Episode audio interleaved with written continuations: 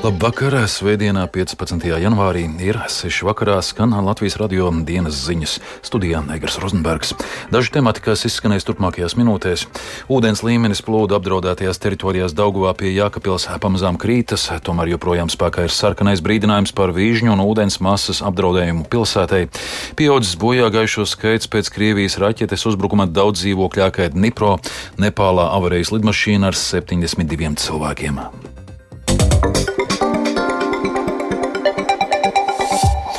Kaut gan ūdens līmenis plūdu apdraudētajās teritorijās Dauguvā pie Jākapils šodien centimetru pat centimetru turpināja kristies, tomēr joprojām spēkā ir sarkanais brīdinājums par vižņu un ūdens masas apdraudējumu pilsētai, un visu uzmanību pievērst aizsargdambim izturēs vai nē. Vairāk ievas puķis sižetā. Esam gatavi uzņemt. Ilmārs Luksts, tāpat kā citi plūdu krīzes risināšanā iesaistītie jēkapilieši, kopš trešdienas gulējis tikai epizodiski. Pašvaldības attīstības pārvaldes vadītājs mūsu tikšanās brīdī komunicē ar vīriem no biedrības Tavi draugi, kuri piegādājuši maisas un plēvis milšu nostiprinājumu veidošanai. Sabiedrības atsaucība bijusi neticama. Tepat jau tas ir aptuveni 3 metrus augsts pacēlums gar Daugavas krastu pašā pilsētas centrā kam augšpusē betona flīzes un metāla sētiņa. Ledus putra ar lielākiem gabaliem burtiski spiežas valnī iekšā. Nevis aizsarga dambis, bet būtībā tikai aizsarga valnis, taisīts no dolomītas čembām, saka Ilmārs. Tas nebija domāts lielas ledaina ūdens masas apturēšanai, bet tikai pavasara palu nesto ledus gabalu kontrolēšanai. Risks ir augsts, jā. Neskatoties to, ka ir vērojamas nelielas ūdens līmeņa izmaiņas, nu, ūdens līmenis samazinās tāpat viņš paliek kritiski augsts. Šai vižņu putrai būtu jāiziet no šejienes prom. Mēs mēģinām ar dažādiem tehniskiem līdzekļiem, arī ar ekskavātoru. Mums ir pieaicināts ekskavators no Madonas puses ar iespēju ļoti tālu aizsniegt ledu, un tad viņš mēģina sakas upē veicināt tecējumu nu, dažādi domājumi, jā, ko varam risināt. Jēkabils pašvaldības civilās aizsardzības komisija strādā 24 stundas diennaktī, lai elastīgi reaģētu uz aizvien jauniem izaicinājumiem cīņā ar upi. Ja valnis izirs, tā ieplūdīs pilsētā kā tsunami, bet citādi būtu Jēkabili samērcējusi pakāpeniski, kā tas notika lielajos 1981. gada plūdos. Pēc kāda piemēra tas valnis tika taisīts, vai tas tā ir tāda prakse pasaulē piekopta? Tik plaši es jums nespēšu atbildēt. Nu, valnis tika veidots. Eh, būvnieki projektēja viņu, būvnieki viņu būvēja pēc tā, kas ir uzprojektēts. Tā tie paši vīri, kas tur spriež tagad? Nē, citi. Nē, nē, nē. Protams, tas bija 91. gads. Visu šos gadus nekādu problēmu nebija tādas krīzes. Eh, nu, tādu, kādas ir šobrīd, nav bijušas. Valni pirms 20 gadiem bija paredzēts veidot vēl garāku, stāsta pļaviņu ielas iedzīvotāja Dace Lukšēvica, kas pati pēc profesijas ir arhitekte. Pie viņas četru dzīvokļu mājas tas nav uzbūvēts. Dace pati no plūdu zonas ir evakuējusies. Dzīvoklī palicis vīrs ar kaķiem. Mēs protestējām, un mēs patiesībā šo viedokli, jāsaka, saglabājam arī šobrīd, jo mēs dzīvojam tā, ka mēs redzam, kas Daugavā notiek, un tas, kas notiek, tas arī ir. Mums nav nekādi draudi, tagad plīsīs dambis un kas būs tālāk. Tā ir tāda pretrunīga lieta. Viena lieta ir, ka upē ļauj darīt to, ko viņa dara, bet ja viņa sāk kaut kādos posmos iestrostot, tad, ja netiek galā ar šiem sprostiem, tad ir tas, kas ir šodien. Tā ir pretrunīga lieta, un gribētos jau, ka kādreiz, tā kā plūdi beidzās, kāds arī to tā drusku citādāk izvērtētu, jo būvēt vienkārši dāmļus un domāt, nu, viss dzīvē ir atrisināts. Neziņā par vaļņa nākotni šobrīd ir arī pilsētas mērs Raivis Raginskis. Mums māca arī bažas pat ja viņš izturēs šobrīd janvārī, tad eh, vēl mums ir marta beigas, aprīļa sākums, kad parasti ir palu ūdeņi, un tas eh, varētu mums atnest vēl vienus pārbaudījumus. Mēs, protams, darīsim visu, ko varam šobrīd remontējot un glābjot dambi, bet eh, noteikti, ka šī vasara būs tas, kad mums būs jādara kaut kas eh, nopietnāks, lai atjaunotu vismaz dambietas stiprību tāda, kāda viņa bija līdz šim. Daugavas uzvedība pēdējos gados ir mainījusies, bet pagaidām valnis vēl turas. Ieva Puķa, Latvijas radio. Dauguvā pie Jākapils vīžņu sastrēgums ir izveidojies vismaz 25 km garumā.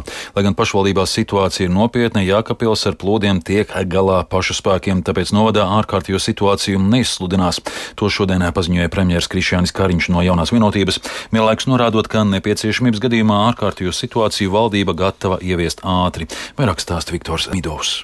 Pēdējo dienu laikā Jēkabpils novadā no apludinātām teritorijām valsts ugunsdzēsības un glābšanas dienesta darbinieki izglāba 34 cilvēkus. Neatkarīgi no tā krīzes vadības padomes sēdē valdība noteikusi, ka tā ir reģionāla mēroga katastrofa, ar kuru pašvaldība spēj tikt galā, tāpēc novadā ārkārtējo situāciju neizsludinās. Lai gan ūdens līmenis Daugavā ir samazinājies, problēma joprojām ir nopietna, kuru risināt nepalīdzēs pat hidroelektrostacijas staciju slūžu atvēršana. Tā norāda premjerministrs Krišjānis Kariņš no jaunās vienotības. Iedzīvotājiem ir ļoti svarīgi sekot līdzi atbildīgo iestāžu norādēm. Pašvaldība pieņem lēmumu, kad vajag evakuēt un cik plašā teritorijā un kad var arī atgriezties.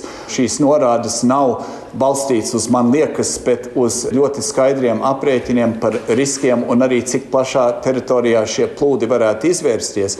Un īpaši bīstami tas, ka dambja pārāvuma vai kādas vietas pārāvuma gadījumā tā nebūtu tikai ūdens masa, bet tāda vižņu masa, kas varētu ļoti nopietni bojāt arī infrastruktūru. Kariņš arī norāda, ka valdība ārkārtas situāciju ir gatava izsludināt, ja Jēkabpils pašvaldība uzskatīs, ka tā ir vajadzīga.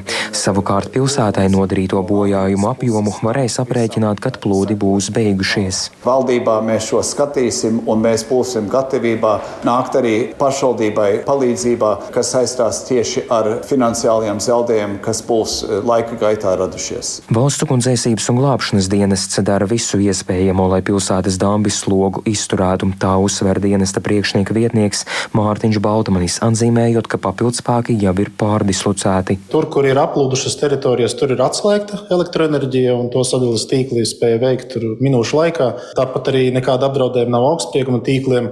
Arī viņi spēja atslēgt nepieciešamības gadījumā, principā sekundžu laikā šo elektroenerģiju. Sadalījuma tīkli vēl papildus ir, protams, resursus nu, mobilizējuši tieši iekapelī, lai pēc iespējas ātrāk atjaunotu elektroenerģiju tur, kur tas ir nepieciešams. Bet uh, nav bijušas tādas indikācijas ziņojumos ikdienas, ka būtu kaut kādas problēmas ar nu, tādas plašas ar elektroenerģijas pieejām. Savukārt Latvijas vides geoloģijas un meteoroloģijas centrā atzīst, ka nav iespējams prognozēt, kā šādi vižņu sastrēgumi var attīstīties. Centrā brīdina, ka plūdi iespējami arī vietās tuvāk Rīgas līcim, taču netik nopietni. Viktors Demidovs, Latvijas radio. Pieaudzis nogalināto skaits vakar notikušajā Krievijas raķetes triecienā pa daudzstāvu namu Dnipro pilsētā Ukrainā. Notikuma vietā visu dienu turpinājās meklēšanas un glābšanas darbi. Ukrainas amatpersonas un ārvalstu līderi uzbrukumu nodēvējuši par terora aktu un aicinājuši Krieviju saukt pie atbildības. Vairāk stāsta Uldis Ķēzberis. Vismaz 25 bojāgājušie ir atrasti zem vakar Krievijas uzbrukumā daļēji sagrautās deviņstāvu dzīvojamās ēkas, paziņojušas varas iestādes. Nogalināto vidū bija arī pusaugu meitene. No gruvešiem ir izvilkti vismaz 39 izdzīvojušie, arī 6 bērni. Uzbrukumā dažāda smaguma ievainojumus guvuši kopumā 73 cilvēki. Zem gruvešiem atrodas vēl vairāk nekā 40 cilvēku, tāpēc arī šodien notikuma vietā turpinājās glābšanas un meklēšanas darbi, kā arī bīstamo konstrukcijas elementu demontāža. Pie nopostītās ēkas bija sapulcējušies apkaimes iedzīvotāji, lai palīdzētu glābējiem un noskaidrotu, kas ir noticis ar viņu kaimiņiem. Viņu vidū bija arī Svetlana, kuras radiniekiem izdevās izglābties.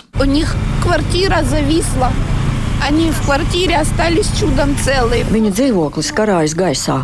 Viņi brīnumainā kārtā palika dzīvoklī neskarti. Dievs paglāba. Pēc tam viņus ar kāpnēm nocēla lejā, tur no balkona. Lielas paldies glābējiem!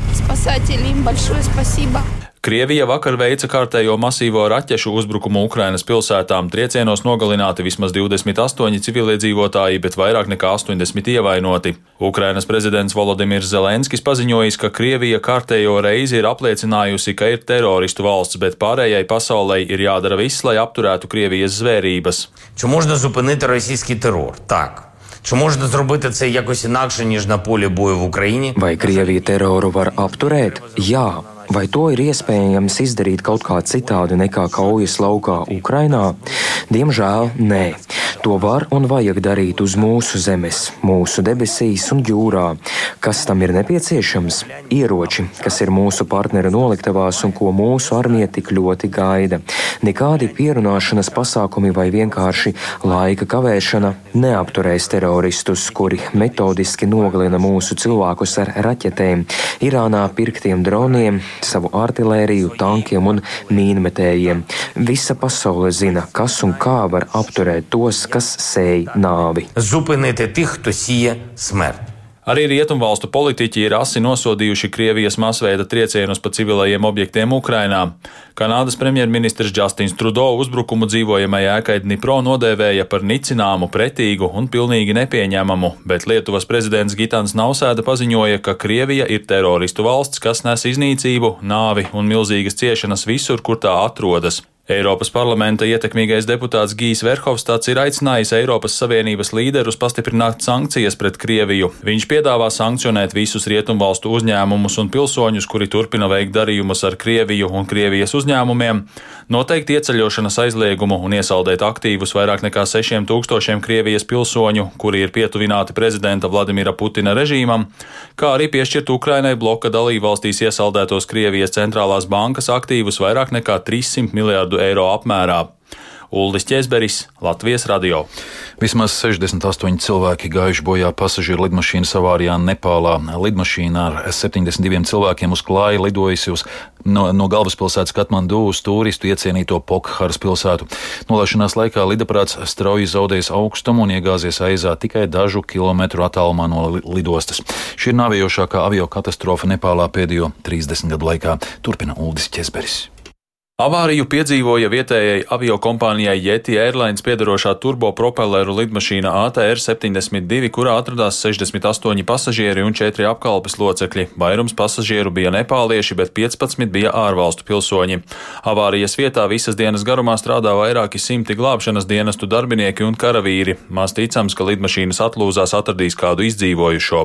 Pagaidām nav zināms avārijas iemesls, bet Nepālas valdība ir izveidojusi īpašu izmeklēšanas komisiju, kurai tas būs jānoskaidro. Izmeklēšanai noderīgu informāciju varētu sniegt lidmašīnas tā dēvētās melnās kastes, jeb lidojuma datu ierakstītājs un pilotu kabīnes balss ierakstītājs.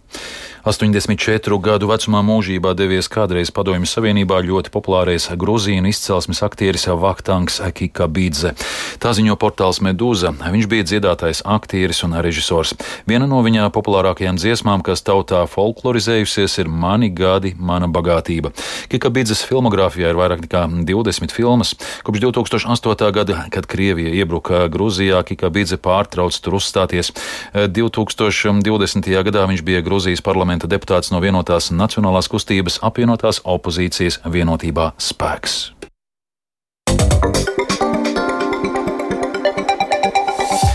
Siguldā noslēdzies kārtējais pasaules kausa posms kamaniņu sportā, kas vienlaikus bija arī Eiropas čempionāts. Latvijas komanda to noslēdz uz pozitīvas nots, savā māju trasē izcīnot zelta medaļas komandu stafetē. Noslēdzošajā disciplīnā startēja Elīna Ieva Vītola, Kristers Aparjots un divnieks Mārtiņš Bots Roberts Plūme. Stafetē Latvijas komandai lielāko pārsvaru atnesa Kristera Aparjoda brauciens sportistiem intervijās pēc finiša jokojot un esot labā noskaņojumā, turpina Aparjots. Ar kaut kādu raķešu zinātnē nodarbojos, acīm redzot. Nē, nu, kā es vienmēr pieminējis, un pats arī domājis, vienmēr, ka man no tās dāmu starta kaut kā ātrāk parasti veicās. Nu, varbūt tas uz uh, svara rēķina vai uz masu, kā varētu smejoties pateikt. Bet, jā, nu, nobrauks labs brauciens. Tur tam laikam ir jābūt. Kā lai saka, priekš manis tas nav nekas tāds uh, īpašs, teikšu tā. Dienas pirmajā pusē sacentās sievietes, un Latvijas braucējām bija neveiksmīgs otrais brauciens. Kendija Aparjode nenosargāja līderu pozīciju un atkrita uz septīto vietu, savukārt Sigita Bērziņa no ceturtās vietas noslīdēja uz sesto pozīciju. Vienīgā no Latvijas braucējiem, kas spēja uzlabot savu pozīciju, bija Elīna Ieva Vītola, kura no sestās vietas pakāpās uz trešo. Kamaniņu braucējiem jau jāpako ceļasomas, lai dotos uz Vāciju, kur pēc divām nedēļām risināsies sezonas galvenās sacensības pasaules čempionāts.